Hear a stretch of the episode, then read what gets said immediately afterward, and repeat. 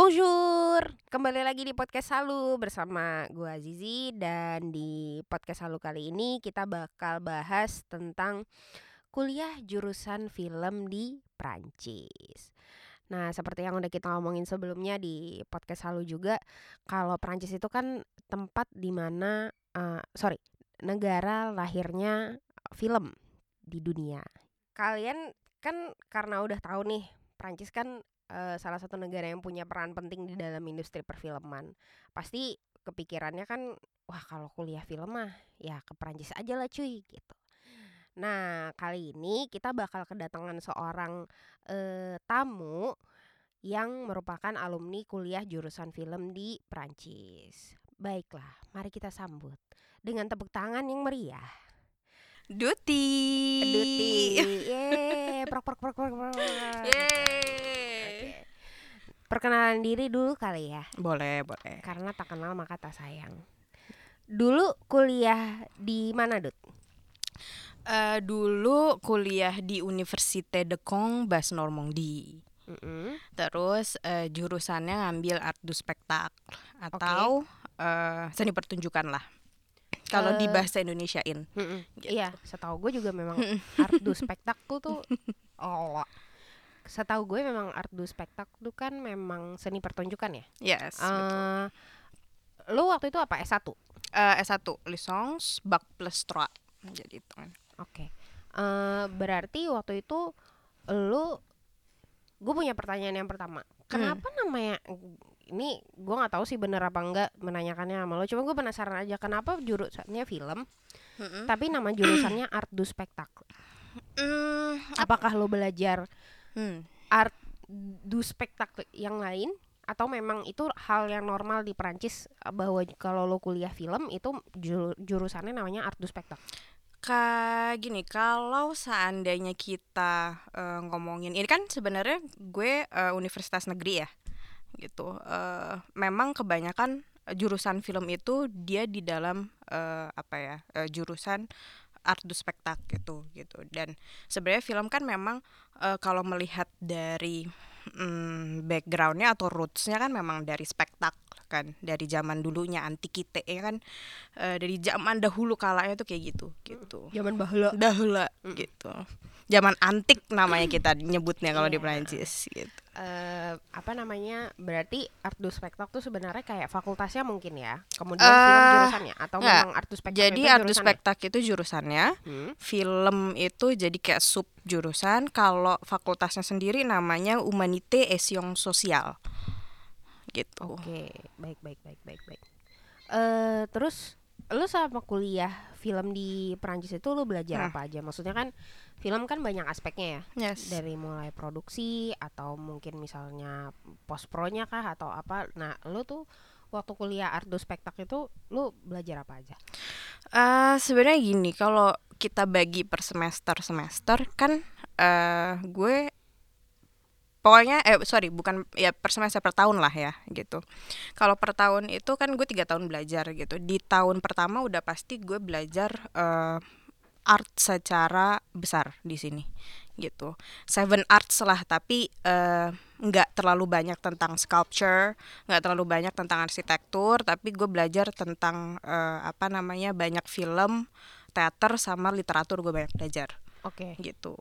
Terus baru masuk ke dua, ketiga, Kayak seni yang me- berhubungan lah ya dengan film. Yes, kan betul. kayak tadi apa aja? yang bersentuhan. Kalau heeh. kita ngomongin tentang arts itu kan dia ada tujuh kan, ada Mm-mm. arsitektur, ada eh, sculpting, sculpture, terus eh, painting, literatur, musik, performing sama film. Di sini kurang lebih hampir mempelajari itu, cuman memang yang paling banyak itu adalah di film sama di performing atau di eh, teater lah gitu.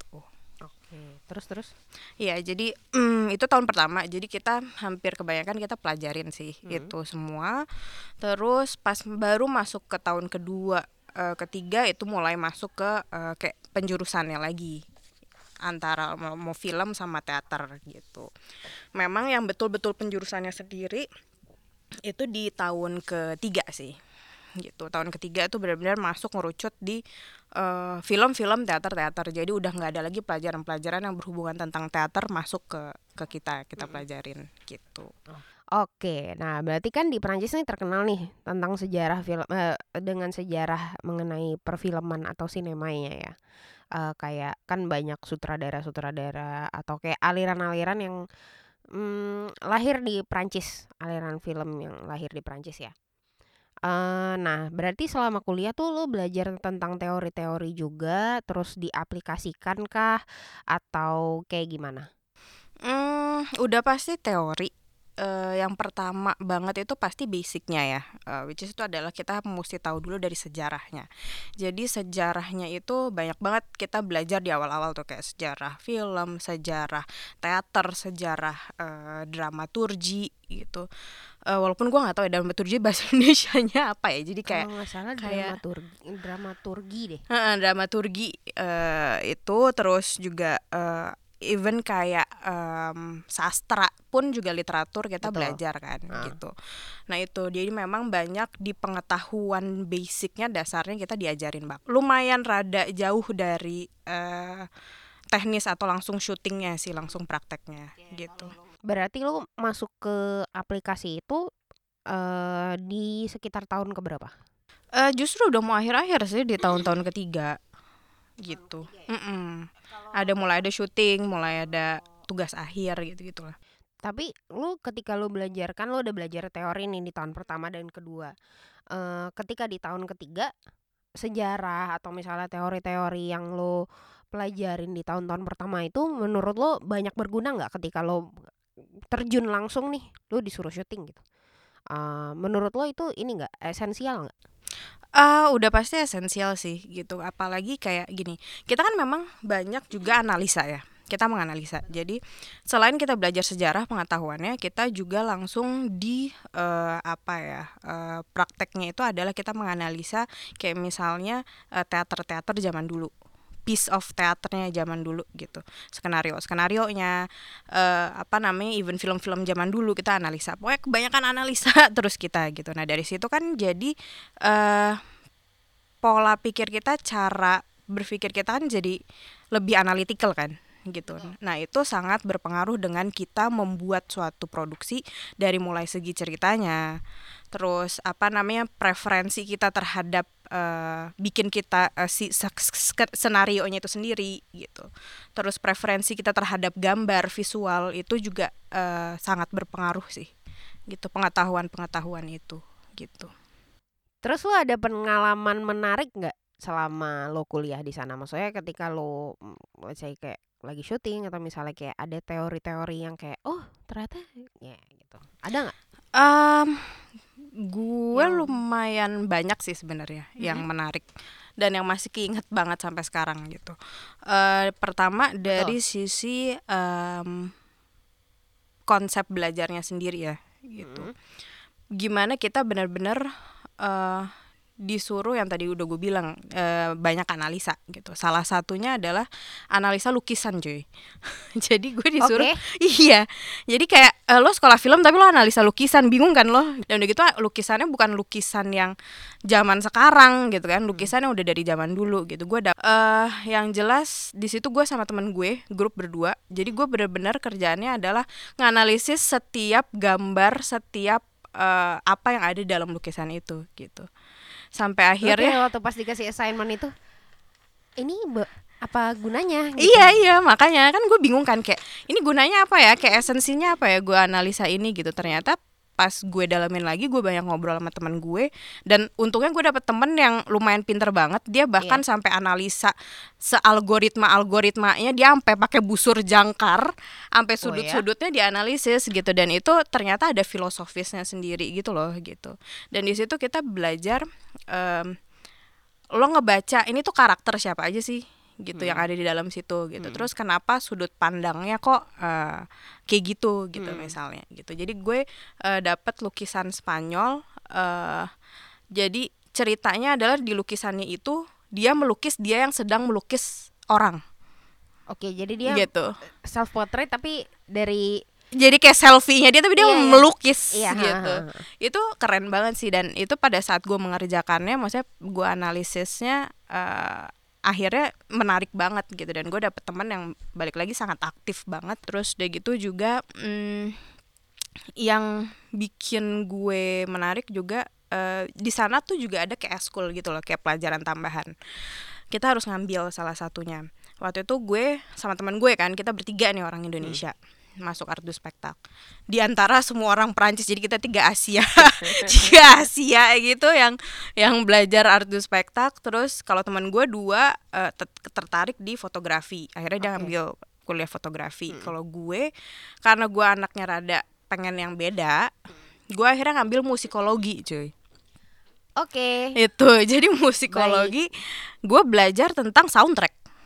Jadi gue nganalisa soundtrack eh, film akhirnya gitu. Kepake tapi ya. dan itu kepake akhirnya. Kenapa eh, ap- apa namanya kenapa lo eh, untuk scene kayak gini lagunya harus seperti ini ngebawanya itu seperti apa gitu gitu terus kayak ya udah akhirnya gue di sana juga banyak eh apa ya kita kan juga banyak eh, presentasi kan. Akhirnya gue juga banyak punya peluang untuk ap- mempromosikan lagu-lagu eh ya lagu-lagu tradisional Indonesia juga akhirnya gitu gitu sih itu salah satu hal yang paling paling buat gue tuh paling menarik banget gitu. Dan yang serunya juga mm, di sini eh, universitas kan lumayan dia kerjasama eh dengan ini ya kayak teater terus eh, bioskop di kota gue itu gitu. Jadi mm, kita tuh kayak udah dikasih ini loh kayak udah dikasih di awal itu kita udah kayak dikasih list ini film-film yang harus lo tonton. Oke. gitu lo bisa nonton kalau yang film-film tua itu biasanya ditonton di eh, kampus. Oke. gitu. Nah itu kalau nggak salah hari Rabu apa hari Kamis gitu malam gitu. Jadi gue suka nonton di sana. Oh jadi lu malam ya nonton filmnya? ya? Mm, mm, jadi kayak emang itu ditayangin em- emang waktunya nonton tuh di di eh, apa namanya di hari itu gitu. Tapi ada juga untuk film-film baru atau eh, apa namanya judul-judul teater baru itu memang kita disuruh abone kita harus eh, jadi kita kayak disuruh eh, beli apa sih abone itu kayak subscription Eh, gitu ya iya, ha. subscription Berlangganan, gitu berlangganan. langganan gitu eh, bioskop Mm-mm. eh, sama teater. Mm-mm. Jadi dalam satu tahun itu kita bisa nonton sampai lima pertunjukan teater dan bisa sampai sepuluhan film lah gitu. Oke. Kita nonton di situ gitu. Jadi lu selain memang ya memang itu tugas kampus sih, tapi lu difasilitasi untuk nonton di eh, fasilitas ya, itu Kampus fasili- ada. fasilitas kampus Mm-mm. dan fasilitas umum ya Mm-mm, jatuhnya mm-mm, kan. mm-mm. Maksudnya kan lu ke eh, pertunjukan teater kan pasti di luar kampus kan? Iya, Heeh. walaupun kita ini ya, maksudnya tetap bayar, tapi kan jauh dengan Iya, apa oh, namanya kan harga student harga, kan, harga Heeh. mahasiswa kan Heeh, pasti. gitu.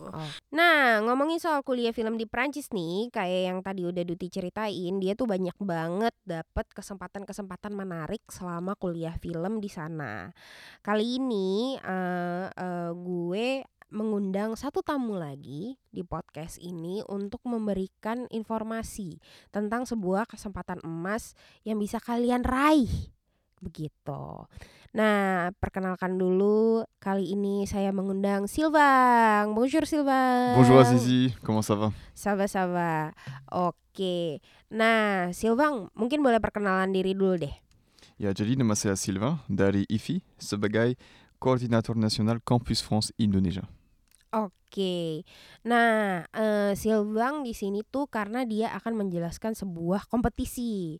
Nah, Silvang mungkin boleh share nih secara singkat eh, tentang kompetisinya. Ini kompetisi apa sih? Ya, eh, itu satu kompetisi yang bernama Talenta Masa Depan Cinema. Oke. Kenapa cinema? Mhm. Karena eh, kita akan membuka satu kompetisi film pendek di Mhm. sosmed. Oke. Eh, kompetisi film intinya ini adalah sebuah kompetisi film pendek. Kemudian eh kalau ini kompetisi pasti kan ada hadiahnya dong ya. Nah hadiahnya tuh apa aja sih Silvang? Mungkin boleh dijelasin dulu deh. Hadiahnya eh, itu full scholarship. Jadi beasiswa untuk kuliah di Prancis. Wah, cuy, Serius, beasiswa S1 kuliah film di Prancis. Mm-mm. Dan bukan itu aja. Jadi ada Oh. beasiswa Oke. untuk kuliah di Prancis. Heeh. Di mana? Di Université de Montpellier. Oke. Yaitu salah satu universitas yang paling bagus di Mm-mm. bidang audiovisual di Prancis. Wah, kacau. Oke, terus terus terus apa lagi nih? Terus eh, adanya juga eh, tiket pesawatnya pulang Oke, pergi. dibayarin pulang pergi Paris. ya. Oke. Terus ada lagi nggak? Ada lagi itu bahasa Prancisnya. Oke, Jadi nanti kalau eh, udah ada orang yang menangnya, menang, mm-mm, pemenangnya itu. pemenangnya akan eh, bisa belajar bahasa Prancis kalau dibutuhkan ya, Mm-mm, akan bisa belajar bahasa Prancis di IFI mm-mm. dari awal banget, misalnya A1 sampai C1 selama setahun. Wah, cuy, ini pahe, bukan pahe. Ini adalah paket lengkap super besar. Banget.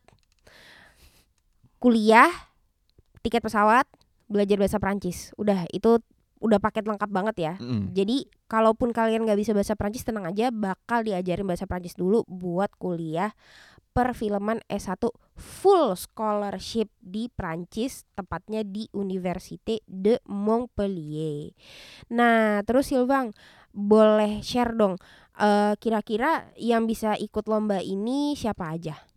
Itu semua orang Indonesia, jadi WNI, yang eh, Betul. yang yang sudah dapat ijazah, jadi yang sudah lulus SMA Mm-mm. dan yang berumur antara 18 tahun sampai 21 tahun. Oke, 18 sampai 21 WNI dan sudah lulus SMA. Mm-mm. Kemudian syarat dan ketentuan ikut kompetisi ini. Jadi maksudnya kira-kira kalau misalnya kan kompetisi film pendek, berarti filmnya harus berapa lama durasinya? Topiknya apa? Coba gimana gimana? Mm-mm. Jadi nanti orang-orang yang ikut kompetisi akan post film pendeknya di sosmed ya, di IG. Oke, di Instagram. Ya, jadi durasinya eh, se- eh, seperti format IGTV Mm-mm, antara 3 menit sampai 5 menit. mm-mm. Kalau topiknya bebas saja. Oke. Bisa bahas terkait cinta, Mm-mm. eh, olahraga, bisa bikin dokumenter, bisa bikin komedi, Mm-mm. apa pun. Mm-mm. Tapi yang dari IFI harus masukin eh, tiga referensi Perancis dalam Oke. filmnya. Bisa Ha-ha. jadi satu lagu, satu Bisa makanan ya? croissant boleh, atau satu baju Perancis Oke, misalnya. iya iya bisa dari aspek apa aja. Nah, itu dicatat tuh ya teman-teman syarat dan ketentuannya. Nah, terus Silvang, nanti ini proses seleksinya gimana nih? Dari kan teman-teman di rumah udah bikin filmnya, terus udah upload di Instagram. Terus nanti seleksinya gimana nih prosesnya? Ya, jadi nanti kalau kompetisinya sudah dibuka ya, orang-orang akan post film-film pendeknya di eh, IG mereka masing-masing. Dan mereka akan tag akun IG Campus France Indonesia dan IFI Indonesia juga. Eh, oleh karena itu, kami akan bisa menilai dan menonton semua filmnya. Kami dengan European Screen akan em, menonton semua filmnya dan pilih 10 film yang terbagus Oke. kami akan menilai skenario-nya. Mm-mm, Jadi yang akan eh, dipilih adalah eh, direktornya, mm-mm. Sutradara ya. sutradaranya ya. Ha-ha, ha-ha. Dan kalau eh, sudah eh, pilih 10 finalisnya eh, dari IFI dan eh, European Screen, eh, 10 finalisnya akan ketemu grand jurinya secara online Mm-mm. dan eh, kita akan nonton semua filmnya yang 10 film yang terbagus Mm-mm. dan nanti ada eh, seperti satu interview Mhm. antara semua kandidatnya dan jurinya. kayak ajang penjurian lah gitu ibaratnya ya. Nah ini kan tadi eh, Silvang bilang kalau misalnya ada grand jurinya nih, ada eh, grand jury. Grand jurinya nih siapa aja sih dan ada berapa orang? Mm-mm. Jadi ada empat orang ya dalam Mhm. grand jurinya. Oke. Yang pertama itu dosen Perancis yang bernama Madame Amandine d'Azevedo. Mm-mm. Itu dosennya yang nanti akan mengajar Mm-mm. sinema kepada eh, Pemenangnya. pemenangnya Mm-mm. di Perancis. Oke. Yang Dari keduanya, Université Montpellier itu ya ya. betul. Oke. Terus yang kedua? Yang keduanya itu eh, Ibu Putri Mm-mm. sebagai direktur European Screen. Oke. Yang ketiganya direktur IFI, Mm-mm. eh, Mr. Stéphane Dover. Oke. Dan yang keempat sebagai juri utamanya itu satu tamu yang sangat spesial ya. Wah siapa nih? Itu Reza Rahadian. Uh, waduh cuy meledak Kak. Bikin film pendek Terus hadiahnya kalau menang ada kursus bahasa Perancis, tiket pesawat plus beasiswa S1 kuliah perfilman full scholarship di Perancis dan film lo bakal dinilai sama Reza Rahadian. Nah, mantep banget kan nih kompetisi filmnya. Nah, menarik banget kan nih informasinya. Jangan lupa nih ya teman-teman di follow Instagramnya Ivi at Ivi underscore Indonesia karena semua info bakal kita share di sana pada waktunya karena semua indah pada waktunya. Nah, eh, terima kasih Silbang sudah mau datang dan memberikan kita informasi yang sangat berharga ini. Eh, merci beaucoup Silbang. Merci eh, Azizi dan eh, kami eh, sudah nunggu ya film-film pendek dari semua orang Indonesia dan talenta yang masa depannya. Oke, terima kasih banyak Silbang. Nah, balik lagi nih sama Duti. Jadi eh, kita kan tadi belum selesai ya nih ngobrolin tentang eh, gimana kuliah jurusan film di sana. Lu waktu itu pas mengambil kuliah jurusan film Mm-mm. di Prancis, emang mau balik ke Indonesia? Iya, emang mau balik Indonesia. Oke. Nah, berarti pada saat lu ekspektasi lu ketika lu pergi kuliah jurusan film di Prancis, lu balik-balik itu mau ap, jadi apa? Ap- Sebenarnya gini, kalau ngomong eh, motivasinya dari awal, gue tuh sebenarnya mau ngambil em, art communication. Nah, dulunya di eh, kampus gue ini ada nih. Jadi selain film, teater sama art communication gitu. Eh, tapi ternyata seiring berjalannya waktu eh, art communicationnya dihapus. Jadi cuman ada si film dan si teater ini gitu. Mm-mm. Tapi bukan berarti gue memilih film karena eh, ya udah karena gitu, ya, karena aku emang- ada, udah film aja gitu Heeh, karena emang gue dari dulu emang udah sangat tertarik dengan film Oke, gitu. Bahkan heeh. even gue gue inget banget dulu gue SMP, lo mau mau gue gue gue pernah bilang sama diri gue sini gue penasaran dia jadi produser. Gitu gue sempat bilang gitu soalnya. Jadi emang ketertarikan gue lumayan cukup tinggi dengan film. Akhirnya eh, ya udah communication art gue nggak bisa masuk. Akhirnya gue langsung eh, ya udah gue langsung ambilnya di eh, film dalemin di film gitu. Terus em, dan memang gue eh, pengen langsung balik ke Indo sih sebenarnya gitu. Jadi karena gue kan bertiga sama temen gue nih si orang-orang Indonesia ini gitu. Kita sering banyak ngobrol sering banyak brainstorming. Kita sendiri pun juga eh, suka btw lu ketemunya di sana? Di sana. Oke. Gitu. Maksudnya ya kita berangkat bareng. Iya ha. Em, dari Indonesia karena belajar bahasa Prancis bareng, Bareng, kan ha. gitu. Terus abis itu ke sana akhirnya eh, satu jurusan yang sama Mm. gitu. Nah, eh maksudnya kita banyak ngobrol, banyak brainstorming, kita banyak nonton juga film-film Indonesia. Terus kita juga menyadari kenapa ya kok eh, film Indonesia nggak begitu bergaung banget nih di eh, Prancis di Eropa gitu.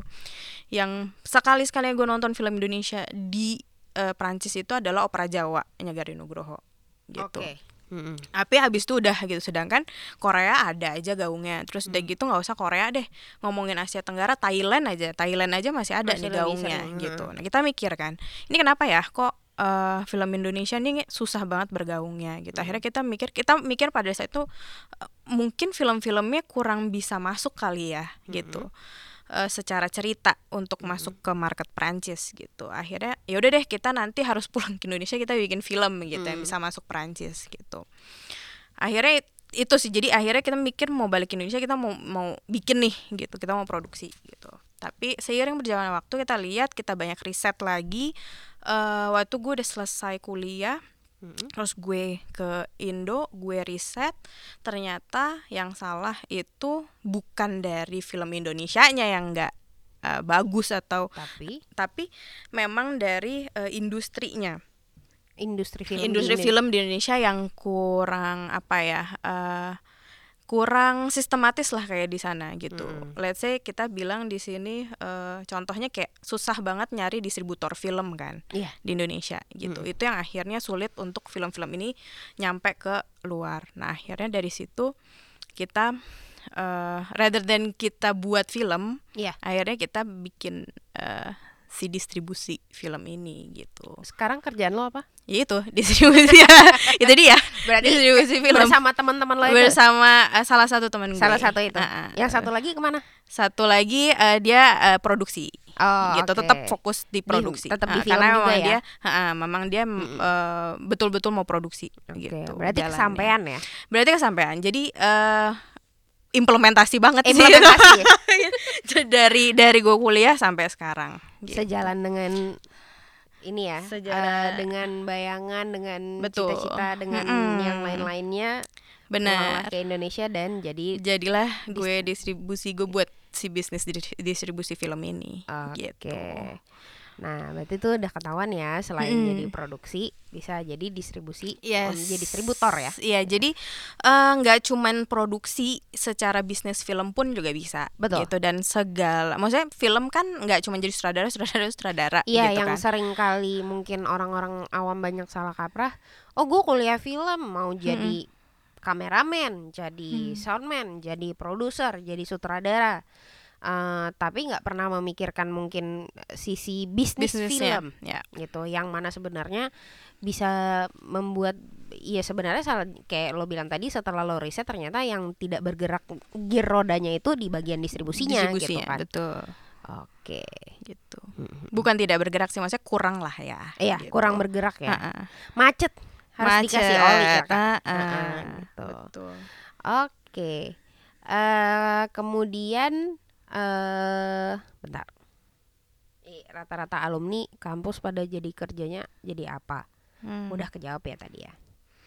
Eh, tapi kalau teman-teman lo yang di Prancis, lo masih eh m- ada yang kontakkan nama lo Masih masih ada yang Oke. masih kontak. dan rata-rata mereka di sana juga kerjanya di industri film juga.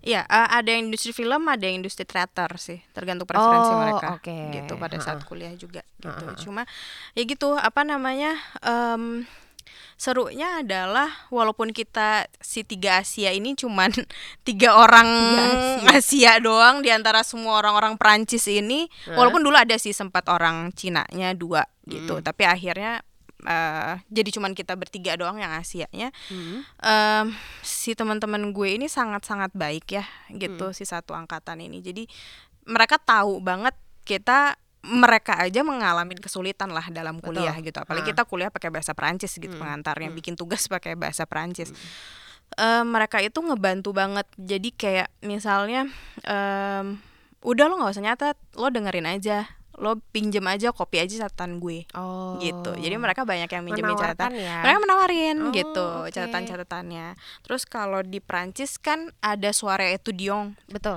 biasa hari Kamis Mm. gitu nah itu kadang kita suka suka kumpul Mm-mm. gitu suka di walaupun kita nggak aneh-aneh ya maksudnya kayak kita di apartemennya siapa gitu Iya, iya.